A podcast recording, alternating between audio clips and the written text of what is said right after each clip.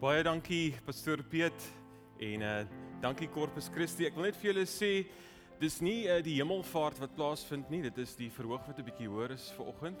So, so ek het die voorreg om vir oggend die verhoog ook in te wy en uh dankie daarvoor Piet. Dankie aan Corpus Christi vir die geleentheid om die afgelope paar jaar ook hier te kan deel wees en uh, te kan saam stap, saam groei. En ek het groot waardering vir pastoor Piet ook.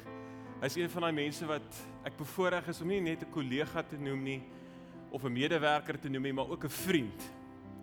En mense soos dit is skaars in die bediening.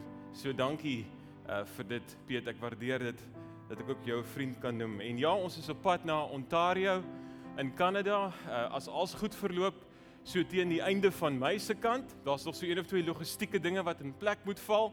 Maar ons is op pad en ja, selfs daar in Ontario op die oomblik, ons is nou weer in 'n 6 weke lockdown. Premier Doug Ford het daai kant gesê vir 6 weke ook weer uh basies geen dienste en dinge wat plaasvind nie en uh ja, dit is uh maar oral bietjie erg op die oomblik. So groot waardering ook dat Petrus herinner vir oggend aan die belangrikheid van uh al die protokolle en dinge wat gevolg moet word. So ja, as jy jou Bybel by jou het, blaai asseblief saam met my dat die evangelie van Markus hoofstuk 14 Evangelie van Markus hoofstuk 14 vers 32 tot 42. En uh laat ek jou net herinner die gedeelte wat ons nou gaan lees vertel vir ons van Jesus se besoek aan Getsemane die aand voor sy kruisiging.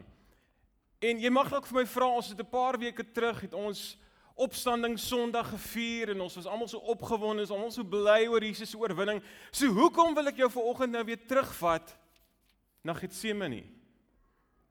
Wel, ek wil vir jou vanoggend sê dat as dit nie was vir iets wat gebeur het daardie aand in Getsemane nie, dan sou daar nie 'n opstanding Sondag gewees het nie. So ek wil vanoggend met jou iets deel oor wat daar in Getsemane gebeur het daardie aand. Evangelie van Markus hoofstuk 14 vers 32 tot 42. En onthou hierdie woorde is geïnspireer deur God die Heilige Gees. Dit het dieselfde gesag asof Jesus Christus ook nou hier by ons staan en direk met ons praat. Die Heilige Gees sê deur Markus: "Toe kom hulle by 'n plek met die naam Getsemane. En Jesus sê vir sy disippels: "Bly hier sit totdat ek klaar gebid het." Hy neem toe vir Petrus, Jakobus en Johannes saam met hom. Hy het erg ontstel en beangs begin word en sê toe vir hulle: "My siel is diep bedroef tot die dood toe. Bly hier en waak." Hy het 'n entjie verder gegaan en op die grond neergeval en gebid dat as dit moontlik is die uur by hom moet verbygaan. Hy het gesmeek: "Abba, Vader, alle dinge is vir U moontlik. Neem hierdie beker van my af weg. Nogtans nie wat ek wil nie, maar wat U wil. Hy kom en vind hulle toe aan die slaap en sê vir Petrus: "Simon, slaap jy? Was jy nie in staat om 1 uur lank te waak nie? Waak en bid sodat jy nie in versoeking kom nie. Die gees is wel gewillig, maar die vlees is swak." Hy het weer gaan bid en dieselfde woorde gesê. Toe hy terugkom, vind hy hulle weer aan die slaap, want hulle oë het swaar geword. Hulle het nie geweet wat om hom te antwoord nie. Hy kom toe 'n derde keer en sê vir hulle: "Slaap en rus julle nog steeds? Genoeg. Die uur het gekom. Kyk, die seun van die mens word in die hande van sondaars oorgelewer. Staan op. Laat ons gaan." Kyk, die een wat my verraai is naby. Die woord van die Here. Ek praat vandag met jou oor 'n plek met die naam Getsemane. En wanneer ek sê 'n plek met die naam van Getsemane, dan bedoel ek eerstens die fisiese plek. Die fisiese plek Getsemane. Nou die Bybel sê eintlik nie vir ons veel oor die plek nie, maar daar's 'n paar dinge wat ons kan weet. Ons weet die naam Getsemane is afgelei van of 'n Hebreëse of 'n Arameese woord, ons is nie seker nie. En dit beteken olyfpers. of oliepers. Wat waarskynlik impliseer dat daar op 'n stadium 'n oliepers daar in die tuin was. Ons is nie seker nie, maar dit is heel moontlik so. So 'n olyfpers of 'n oliepers het bestaan uit 'n groot ronde klipbak en saam met dit dan 'n maalklip.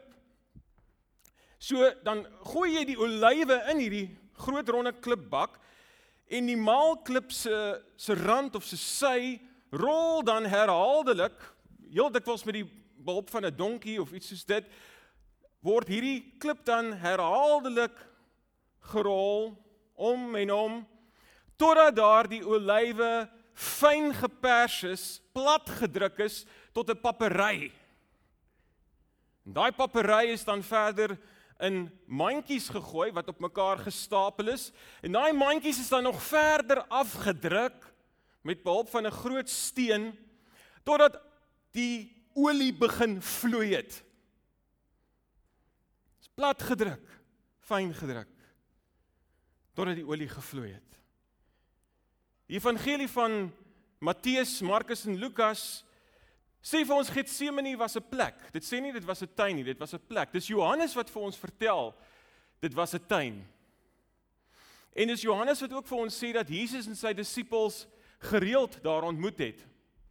So ons weet ook dat die aand na Jesus se laaste maaltyd saam met sy disippels het hy vanaf Jerusalem gestap deur die Kidron vallei tot by die tuin Getsemane.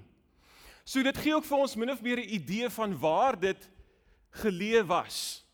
So wanneer jy vandag Jerusalem toe gaan, uh pastoor Piet was ook al daai kant gewees en van die ander bedieningspersoneel dink ek hierso was ook al daar gewees. Nou wanneer jy vandag gaan en jy vra vir jou toergids ek wil Getsemane toe gaan. Dan sal hulle dikwels vir jou neem na 'n tuin langs die Rooms-Katolieke Church of All Nations op die westelike helling van die Olyfberg. Ek was ook al daar gewees. Dit is regtig besonder. Dis 'n baie mooi olyfboord om in te stap. En uh interessant genoeg, die Armeens-Ortodokse, Grieks-Ortodokse en Russiese-Ortodokse kerke wat naby is, hulle het elkeen ook hulle eie Getsemane en sal vir jou sê dat dit eintlik daar geleef was. Maar die realiteit is dat ons weet dat in 70 na Christus het die Romeinse weermag natuurlik vir Jerusalem omsingel en die Romeinse weermag was nie bekend vir Sondagskoolpikniks nie.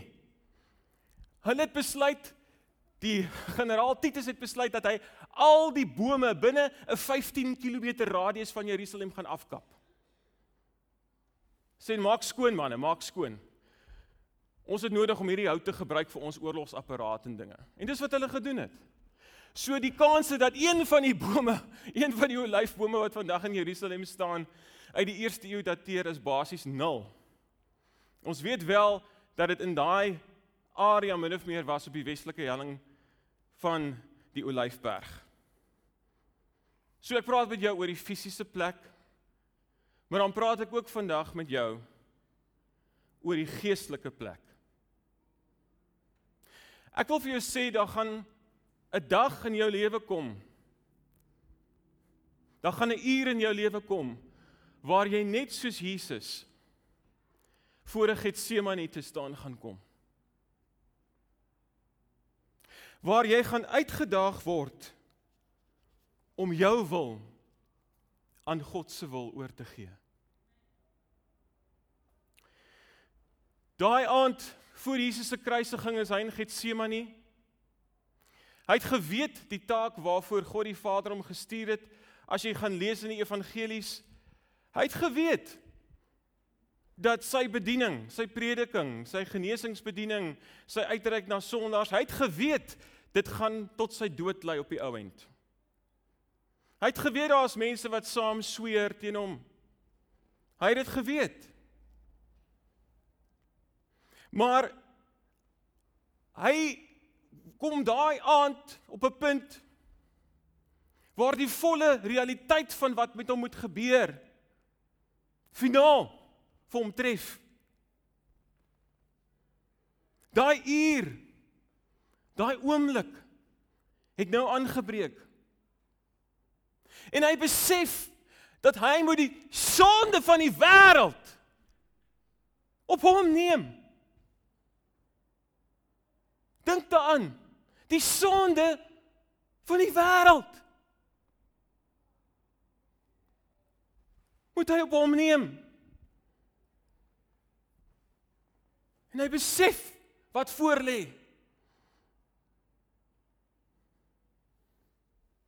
En hy worstel met God sy Vader. Hy worstel. Corpus Christi, ons almal gaan een of ander tyd hierdie geestelike Getsemane moet aandurf. Dis nie 'n lekker plek om te bereik nie. Nie een van ons wil ooit daar kom nie, glo my. En nie een van ons sal ooit so ly soos wat Jesus gelei het nie. Nie een van ons gaan ooit gevra word om die sonde van die wêreld op ons te neem nie. Maar dit vat nie weg van die feit dat daar gaan 'n dag kom waar jy ook voor jou Getsemane te staan kom, 'n situasie waar die Here jou gaan uitdaag om jou wil aan hom oor te gee. Nou ek praat nie van die alledaagse goed nie, asseblief. Ek praat nie van load shedding nie. Ai. Ek praat nie van die petrolprys nie. Wat ook in 'n geval erg is, maar ek praat nie van die goed nie. Ek praat van 'n waterskeidingsoomlik in jou geestelike lewe. Noem dit dan 'n D-day. Noem dit 'n 9/11 oomblik. Waar jy weet dat jou lewe voor hierdie dag en jou lewe na hierdie dag gaan nooit weer dieselfde wees nie. Jy weet dit. En dit kan in verskillende forme na ons toe kom. Dit kan kom in die vorm van 'n ernstige mediese diagnose. Dit kan kom in die vorm van 'n gebroke verhouding, gebroke huwelik. Dit kan kom in die vorm van 'n finansiële krisis, werkloosheid. Dit kan in verskillende forme na jou kom. Maar die vraag is en ek glo dis die vraag wat die Here vandag vir jou vra. Hoe gaan jy wanneer daardie dag kom? Hoe gaan jy dit hanteer? Hoe gaan jy God verheerlik in daai krisissituasie? Hoe gaan jy God se wil jou nommer 1 prioriteit maak in daai krisissituasie? Nou ek glo dat Jesus se optrede in die tuin van Getsemane gee vir ons 'n voorbeeld van wat om in so 'n krisistyd te doen. Wat om juis in so 'n krisissituasie te doen om gehoorsaam aan God se wil te wees. En ek glo daar's vyf sleutelwoorde vandag wat ek wil hê jy moet saam met jou neem en jy kan hierdie vyf sleutelwoorde neerskryf en saam met jou vat as jy wil. Gebed. Onderskeiding. Eerlikheid. Oorgawe. Aksie gebed, onderskeiding, eerlikheid, oorgawe en aksie. In die eerste plek Corpus Christi en wat my betref die belangrikste is dit gebed. As jy voor 'n geestelike Getsemane te staan kom, moet gebed jou belangrikste prioriteit wees. Jesus, die seun van God, die die een wat mens geword het, God wat mens geword het, volkome mens, volkome God.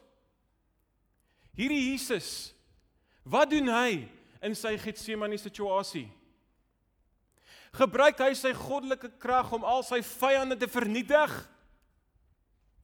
Roep hy 1000 engele om hom te kom help?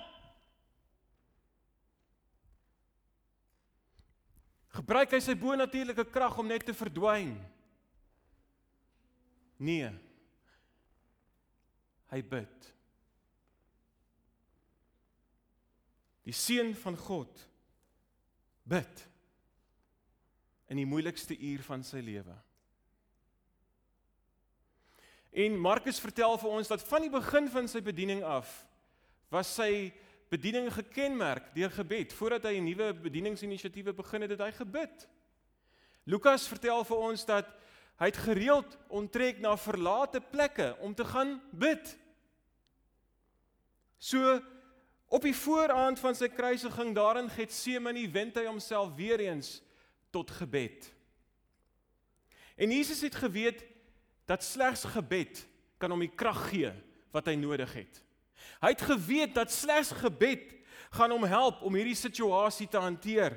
Hy sê ook vir Simon Petrus daar in Markus 14:38: "Waak en bid sodat jy nie in versoeking kom nie. Die gees is wel gewillig, maar die vlees is swak." Gebed versterk jou vasberadenheid. Gebed versterk jou geloof in God. Gebed hou jou geestelik wakker.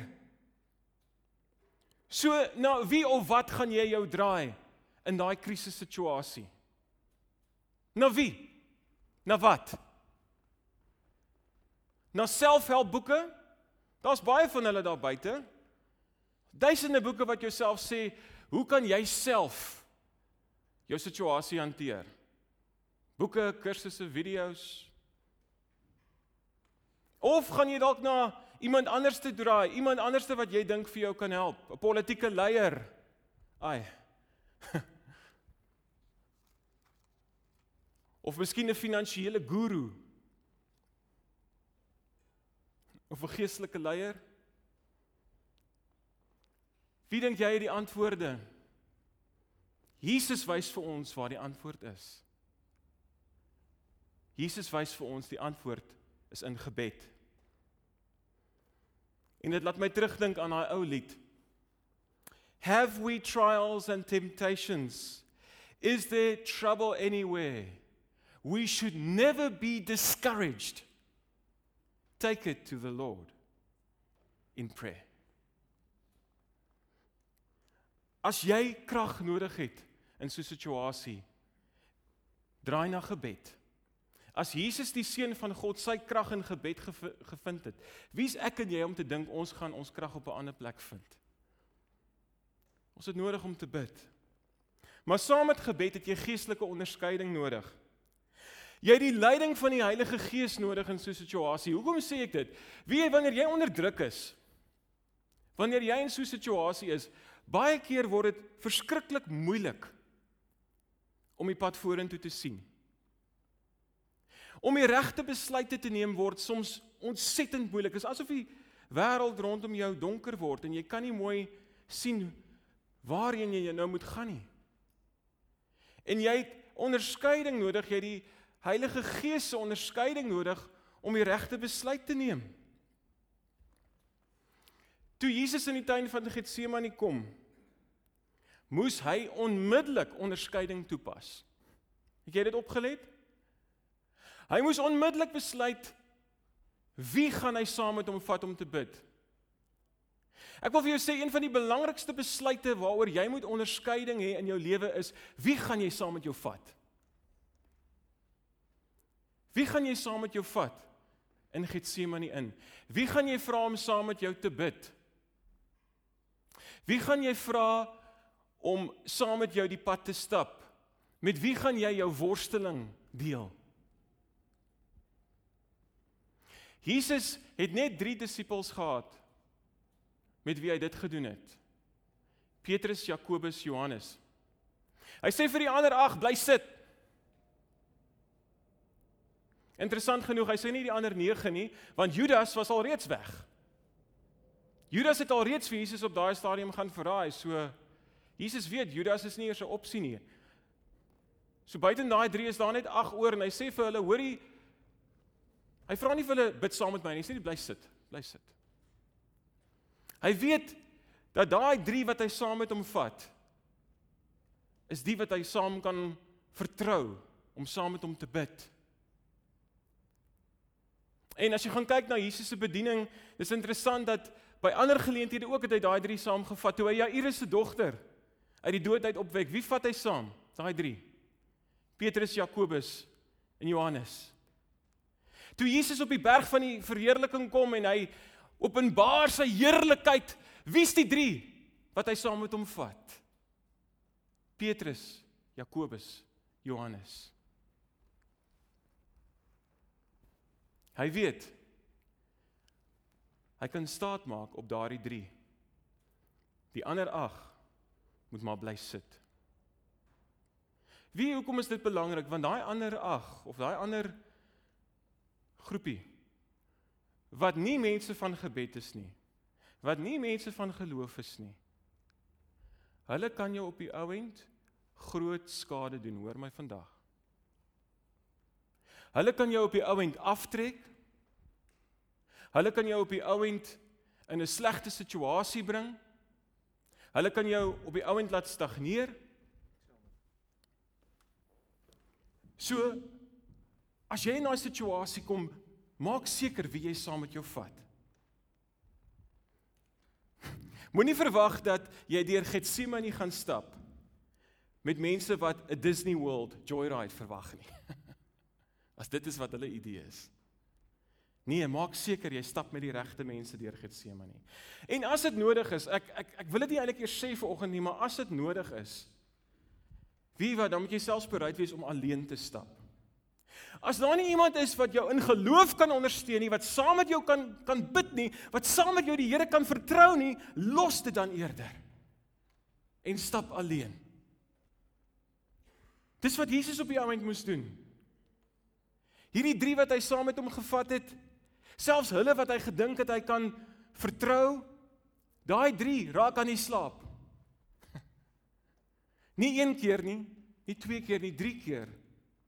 Op die voorhand van sy kruisiging raak hulle aan die slaap. En Jesus moet alleen Getsemane aandurf. As jy gaan kyk na Jesus se bediening, hy het dikwels alleen gaan bid. Dikwels alleen weggebreek om te gaan bid.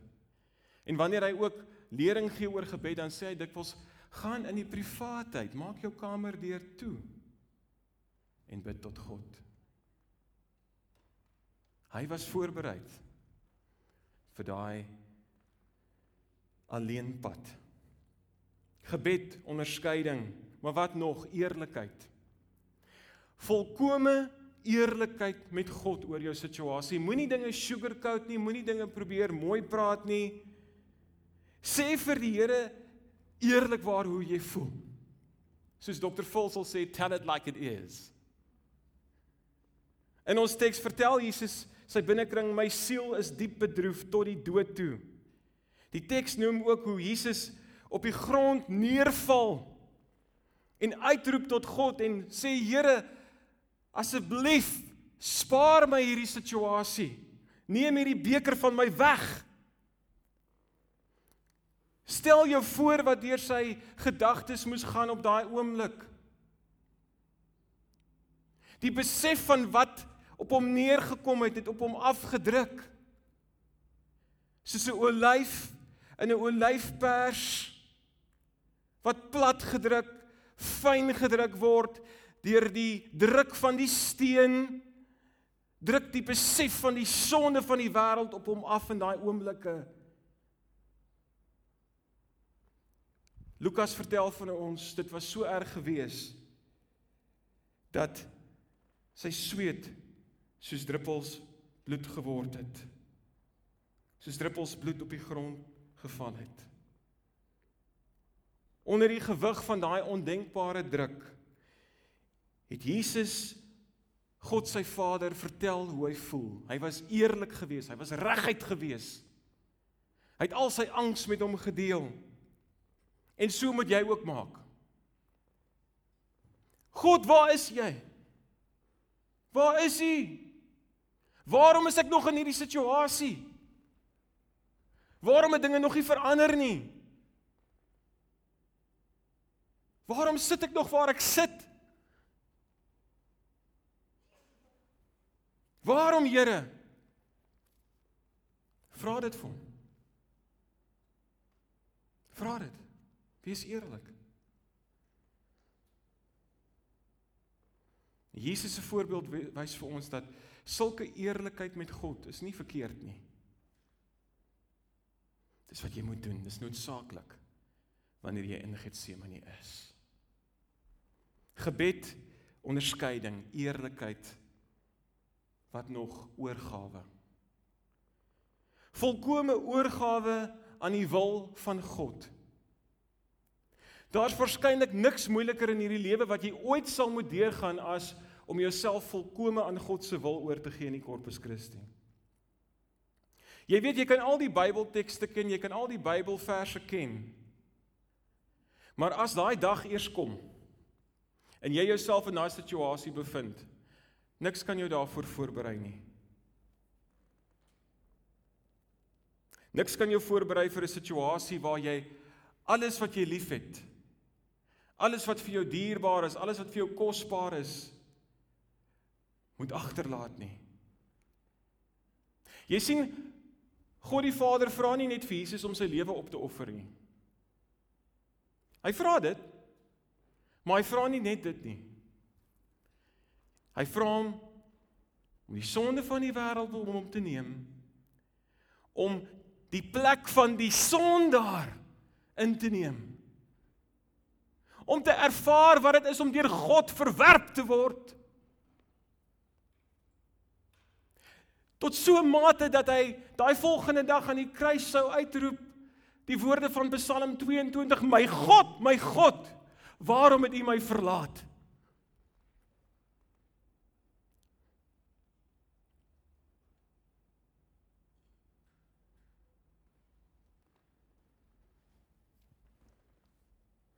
En wat besluit hy in daai situasie?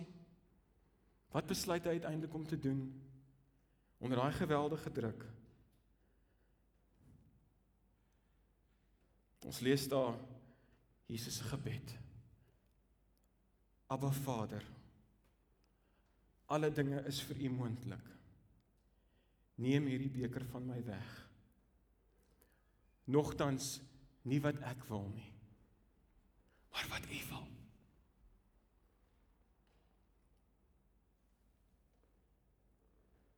Jesus neem die fundamentele besluit om homself aan God se wil oor te gee. Maak nie saak die pyn nie. Maak nie saak die lyding nie. Maak nie saak dat hy die verwerping van sy geliefdevolle sy geliefde Vader moet aanvaar nie, ervaar nie. Hy sê dis dis oukei. Okay. Hy sal dit doen. En wat is daar vandag in jou lewe? Wat is daai situasie wat vandag vir jou konfronteer? Waar jy moet bereid wees om so stap te neem. Waar jy vir eens en vir altyd moet besluit dat dit maak nie saak die pyn nie, dit maak nie saak die lyding nie, dit maak nie saak die smart nie. Ek sal doen wat God my roep om te doen. Ek sal dit doen. Maak nie saak wat nie, ek sal dit doen.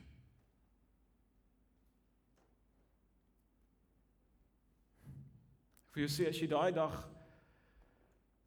daai punt in jou lewe bereik waar jy daai oorgawe maak. Dis 'n wonderlike ding om dit te kan bereik. Dis moeilik, maar deur die genade van God is dit moontlik. Die Heilige Gees se krag in jou is dit moontlik gebed, onderskeiding, eerlikheid, oorgawe. Maar dan wanneer jy daai besluit geneem het, wanneer jy gesê het Here, net soos Jesus ek sal doen wat U my roep om te doen, ek sal die sending volbring wat U aan my gegee het. Dan bly daar nog een finale ding oor. Een ding. Dis nou tyd om oor te gaan tot aksie. Na sy intense worsteling met God sy Vader, nadat hy in gebed met God gestoei het, met hom geworstel het oor hierdie saak en uiteindelik homself oorgegee het aan God die Vader se wil, volkome oorgegee het, sê Jesus presies wat volgende moet gebeur. Hy sê daarso: "Die uur het gekom. Kyk, Die seun van die mens word in die hande van sondaars oorgelewer. Staan op, laat ons gaan. Wil vra dat Elton asseblief so lank sal vorentoe kom. Staan op. Laat ons gaan.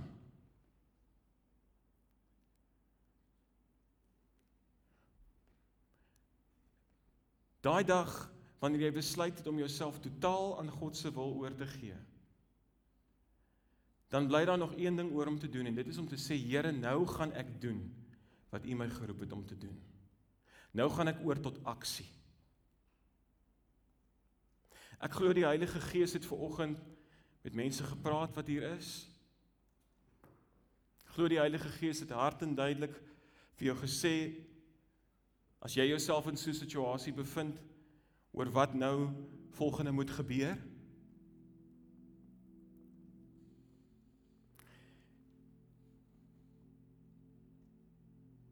As jy oorgaan tot aksie, gaan jy vorentoe met vasberadenheid met geloof dat God met jou is met geloof dat dit maak nie saak wat nie jy sal God se wil doen. Wanneer jy deur Getsemane gestap het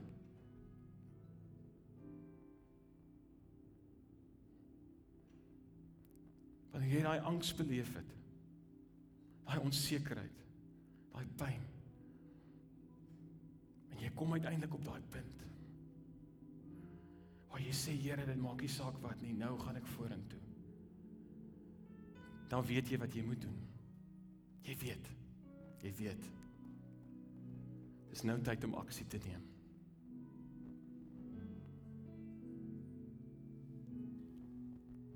So navolger van Jesus die uur het aangebreek Dis tyd om Getsemane te verlaat. En dis tyd om tot aksie oor te gaan.